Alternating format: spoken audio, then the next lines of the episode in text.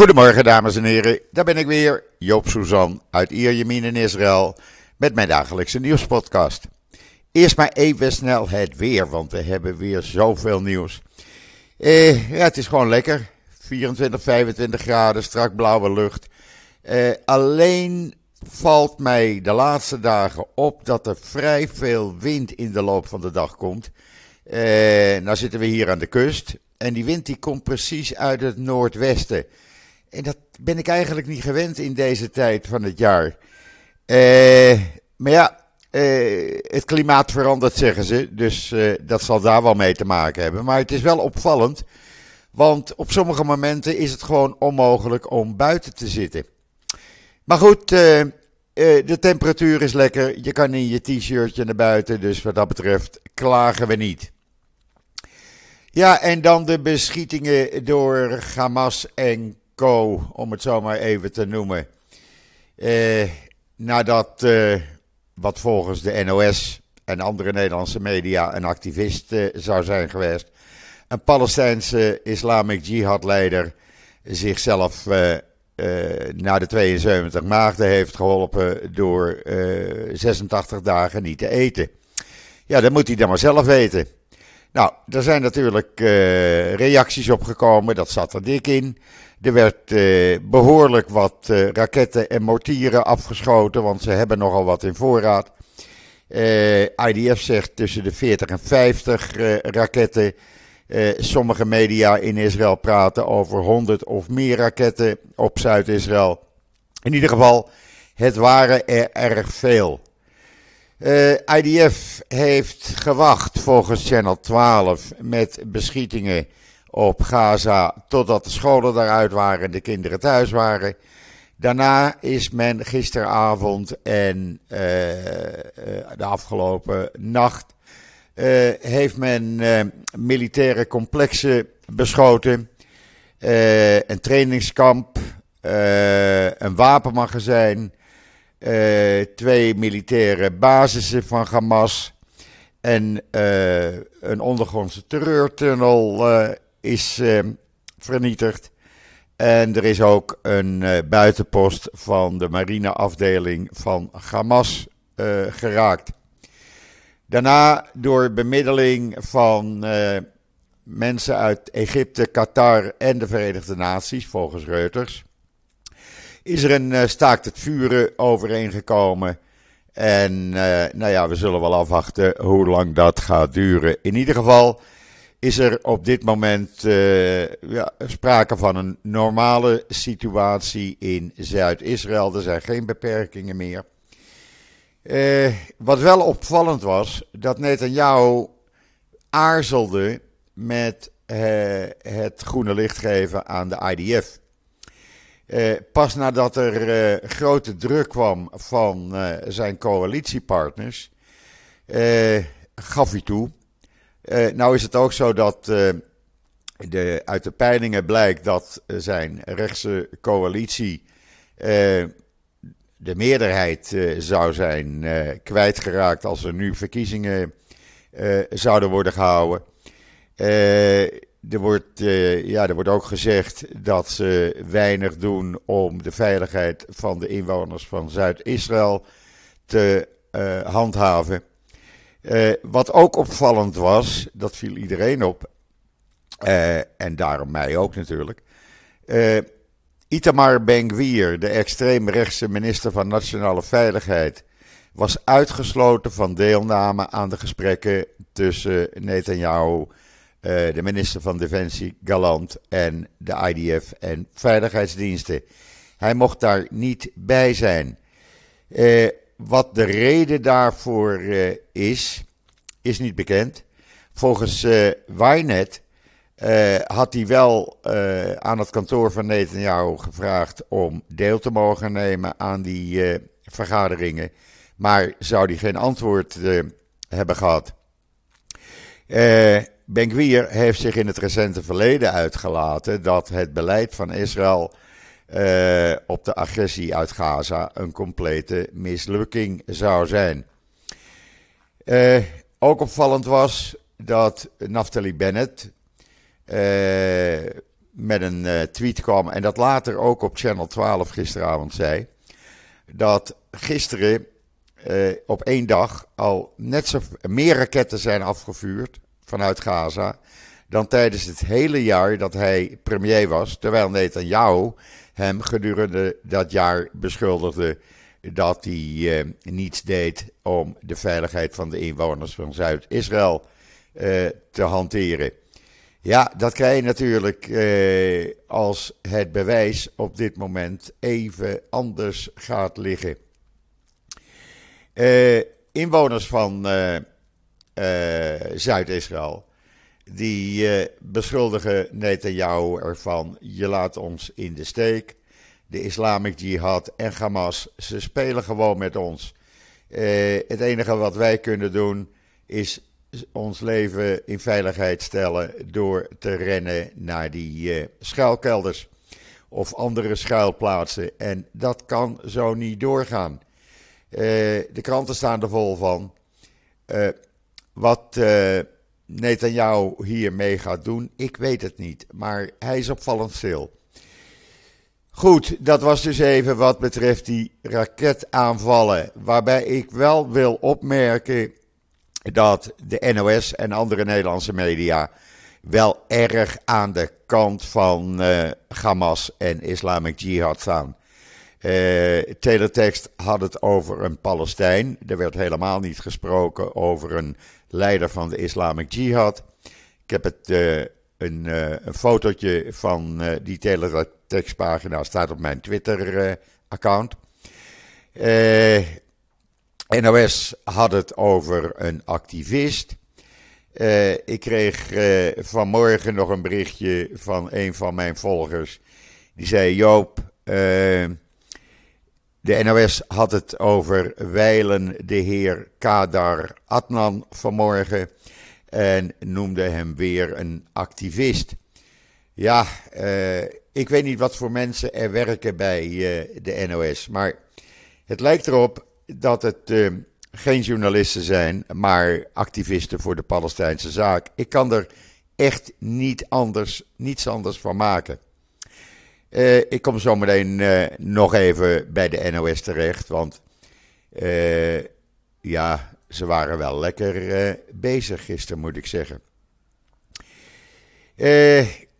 even wat anders. De woorden in Tel Aviv bij een, een bakker, Hagai ve ha lechem, oftewel Hagai en het brood, die niet zo lang geleden een winkel heeft geopend in uh, de wijk Florentien. Uh, ja, die maakt wel hele lekkere broden. Uh, dat maakt hij van een soort oude tarwe op een ambachtelijke manier. Echte ambachtelijke manier. en hij zegt zelf dat hij het doet zoals het duizenden jaren geleden ook ging. Nou, ik heb daar een artikeltje over in uh, Israël Nieuws staan sinds gisteren. En ik raad iedereen aan om eens een keer naar die bakker toe te gaan als je in Tel Aviv bent. Ik ga zelf, uh, ben ik van plan om komende vrijdag even te gaan kijken daar. Want ik wil dat toch wel meemaken. Ik heb nu uh, brood hier van een artisanbakker die hier in de omgeving zit. En dat is ook heel lekker ambachtelijk brood. Maar goed, het kan natuurlijk altijd nog lekkerder.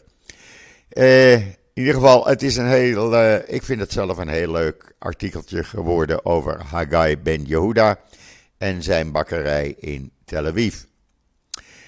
Ja, en dan hadden we gisteren natuurlijk uh, de NOS in zijn SAS. Ook andere Nederlandse media waren in hun SAS. Want Amnesty International had een rapport gemaakt over cameratoezicht en gezichtsherkenning die Israël zou uitvoeren om zijn burgers te beschermen tegen terreuraanslagen. Ja, dat mag toch? Eh, NOS ging daar voor het gemak even aan het feit voorbij dat ook in Nederland cameratoezicht met gezichtsherkenning eh, wordt uitgevoerd. Zoals bijvoorbeeld eh, op Schiphol. Er staat een link in het artikel. Maar nee, daar hoor je de NOS niet over. Het enige waar je de NOS over hoorde was hoe zielig het voor de Palestijnen wel is. Die eh, middels gezichtsherkenning in de gaten worden gehouden. Nou, gelukkig kwamen mijn vrienden en vriendinnen van NGO Monitor met een artikel en zeiden: Joop, hier heb je iets aan. Want wij geven wat tegengas tegen Amnesty International, omdat die gewoon de feiten aan het verdraaien zijn. Uh, nou, ze komen met een artikel met allerlei links erin. Uh, waaruit blijkt dat het helemaal geen nieuws is, die gezichtsherkenning. en dat men bewust feiten weglaat. Nou, dat heb ik online gezet. Dat kan je allemaal uh, lezen. Je kan de links volgen. Uh, en ja, Israël doet gezichtsherkenning om uh, terreuraanslagen te voorkomen. Nou, ik vind dat je als land alles mag doen om je burgers te beschermen. Je hoeft je burgers niet zomaar om zeep te laten halen. En dat doet Israël dan ook. er is gezichtsherkenning bij doorgangsposten in de oude stad bij, van Jeruzalem, uh, bij uh, de Damascuspoort, uh, op vliegveld Ben Gurion. Maar als ik kijk hier bij mij bij het Pianocentrum, een nieuw centrum wat twee jaar geleden is geopend, openluchtcentrum, winkelcentrum, met veel terrasjes. Daar hangen ook camera's. En ik kan me herinneren als ik in Amsterdam liep uh, een paar jaar geleden was dat voor het laatst. Zag ik ook camera's hangen. Ik begrijp dan niet waarom de NOS met name, uh, maar ook andere Nederlandse media, dan zo een kabaal moeten maken over de, het cameratoezicht in uh, Israël met gezichtsherkenning.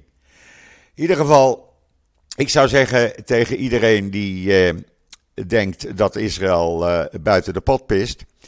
Uh, lees dat artikel op Israël Nieuws. Volg die uh, links. En dan begrijp je dat uh, ja, het helemaal niks bijzonders is. Nederland doet het, Spanje doet het, Frankrijk doet het, Duitsland doet het, Engeland doet het. bus- en metrosystemen in Berlijn, Parijs en Madrid maken ervan gebruik. Spaanse grensovergangen, politie in Italië en Nederland en Engeland gebruiken het.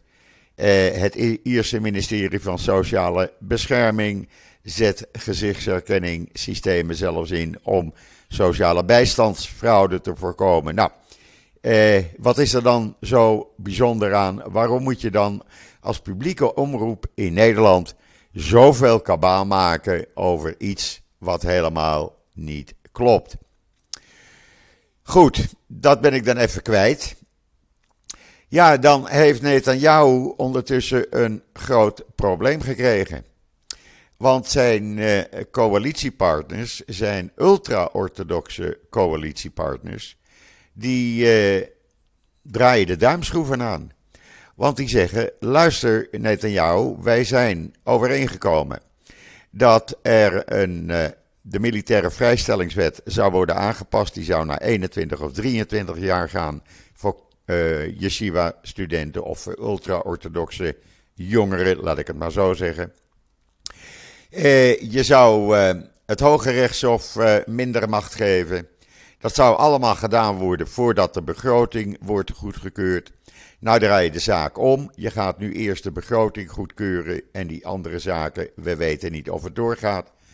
Wij vinden eh, als je je niet aan de afspraken houdt, dan moet je maar aftreden. Dan moet je maar naar huis gaan. Hij zei het heel duidelijk gisteren. Het werd op alle televisiezenders uh, uh, gisteravond uitgezonden. Het was het op één na belangrijkste nieuws, na die raketten natuurlijk. Meijer Porus, Meijer Porus uh, van de ultra-orthodoxe partij, die zei het gewoon recht voor zijn raap. Hij is van de United Torah partij en hij zei het recht voor zijn raap. Als je je niet aan je afspraken kan houden, net en jou, dan ga je maar naar huis. En een nieuw probleem voor Netanyahu, zullen we dan maar zeggen. Eh, ja, hoe die dat gaat oplossen, ik zou het niet weten. Goed, ondertussen, uh, je kan het allemaal lezen in de Times of Israel, in Jeruzalem Post, in Ynet. Het staat er uitvoerig in.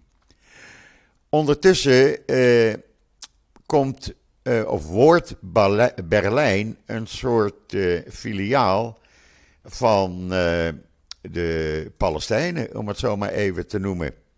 Daar is de aan de PFLP gelieerde Samidoun groep, die uh, krijgt toch wel heel veel macht. Ondanks verbod van de Berlijnse politie zijn er toch honderden mensen op de been gekomen om uh, op 1 mei daar te gaan marcheren in solidariteit met de Palestijnen. En daar werd uh, niet zo netjes over Joden en Israël gesproken. Er werd constant geroepen uh, tijdens die mars: dood aan de Joden, dood aan Israël. Tel Aviv zal het bloedige lichaam worden. nou ja, Hamas, Islamic Jihad, Hezbollah, ze werden allemaal verheerlijkt en geprezen. Ja, en de Duitse overheid kon daar weinig aan doen. Er staat een heel artikel, heb ik online gezet, van Memory. Die heeft het allemaal uitgezocht. En uh, ja, ik ben bang, als dit zo doorgaat, uh, zou Nederland er ook wel eens binnenkort last van kunnen krijgen. Want dat blijft natuurlijk niet alleen bij, uh, bij Berlijn. Laten we maar eerlijk zijn dat, ja, dat gaat zich over heel Europa verspreiden. En dan heeft de president van Iran uh, een aantal duidelijke woorden gezegd. Nou, daar kunnen we dan ook rekening mee houden. Want meneer Raisi, de president van Iran, zei in een interview dat als Israël Iran zou aanvallen, Israël te maken zou krijgen met een overweldigende en onmiddellijke reactie en volledig vernietigd zou worden. Je kan het allemaal lezen in de Times of Israel. Nou, we weten dat dan. Dan houden we daar maar rekening mee. Niet dat, uh, dat ik dat serieus neem. Even een slokje water. Maar goed, je kan het maar beter weten. Ja, en dan zie ik in Nederland, in de Nederlandse pers, artikelen verschijnen dat steeds meer mensen zouden vinden dat 4 mei niet meer over de Tweede Wereldoorlog alleen zou moeten gaan. Dat zou over alle oorlogen moeten gaan die na 1945 hebben plaatsgevonden en nog plaatsvinden. 59% van de ondervraagden zou dat vinden. Dat betekent dat Nederland dus eigenlijk op 4 mei vindt men niet meer aan eigen geschiedenis alleen moet doen. Dan zou Nederland dus aan allerlei andere oorlogen op 4 mei eh, aandacht moeten besteden. Ja, dan laat je je hele geschiedenis gaan. Dan heb je toch als land geen geschiedenis meer. Ik vind dat een beetje raar. Je hebt toch als land eigen geschiedenis. En eh, je moet je aan je eigen geschiedenis houden. En een, een oorlog ergens in Afrika of in Azië of ook de oorlog in Oekraïne. Het is allemaal erg genoeg. Maar haal daar een andere datum voor naar boven dan als je daar zo graag aan wilt doen om dat allemaal te herdenken. Maar ik vind 4 mei, ja, dat moet gewoon uh, over de Tweede Wereldoorlog gaan. En over de honderdduizenden, die, uh, de 104.000 Joden die uit Nederland zijn weggehaald en vermoord.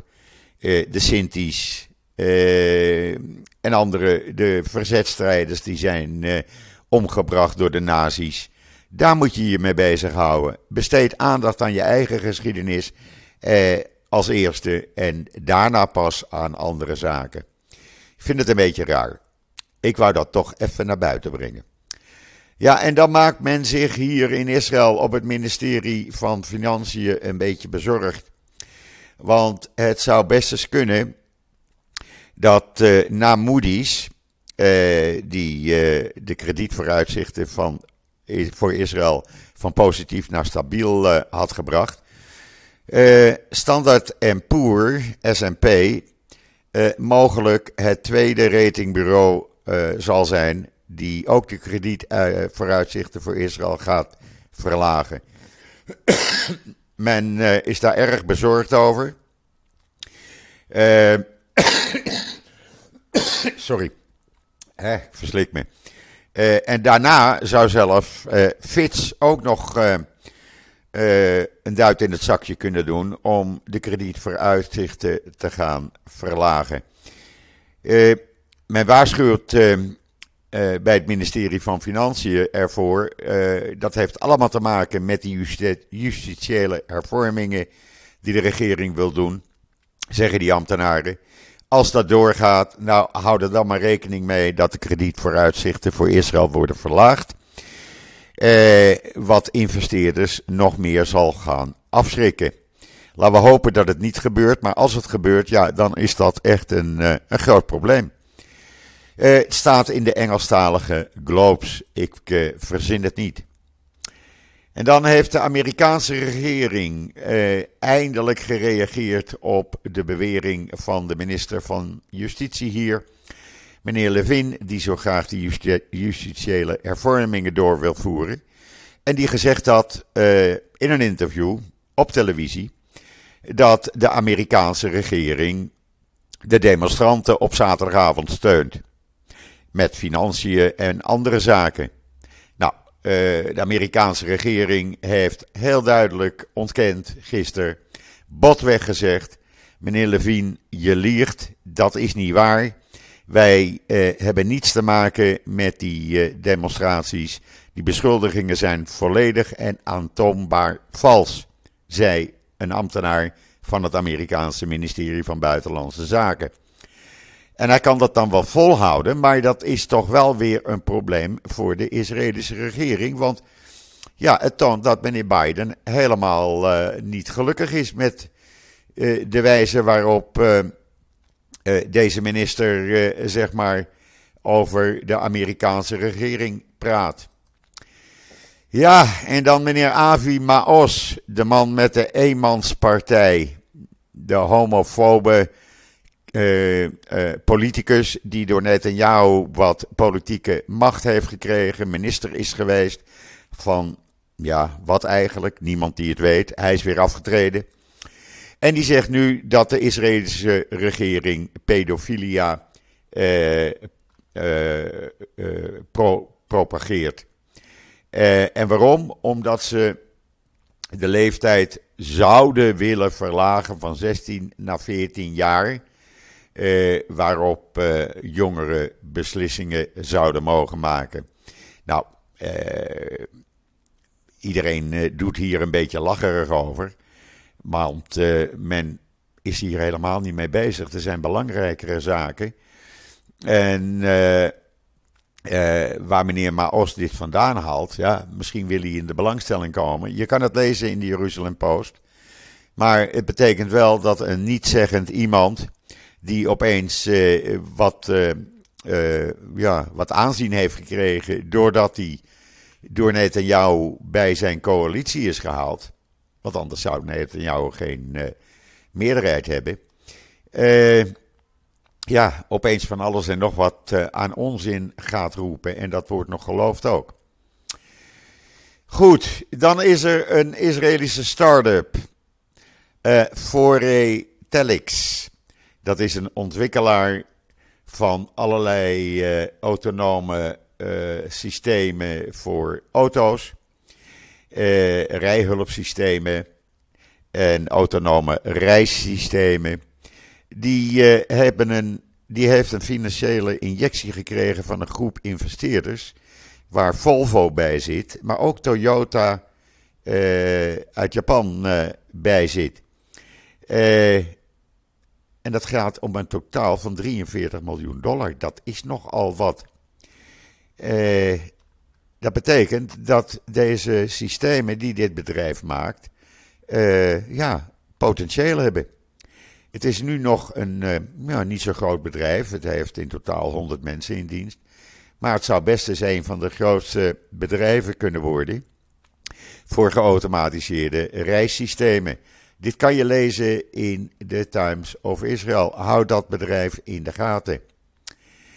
En dan waren er twee uh, politici, politici van de uh, rechtse Duitse partij AFD hier in Israël.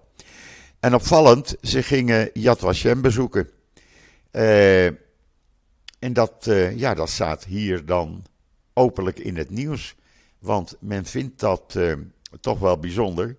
Dat Matthias Moosdorf en Mark Jonge namens de AFD zitten ze in de Bondsdag. Uh, en een officieel bezoek uh, brachten aan Yad Vashem. Uh, en dat is ja, uitgebreid in het nieuws hier. Je kan het lezen in The Times of Israel.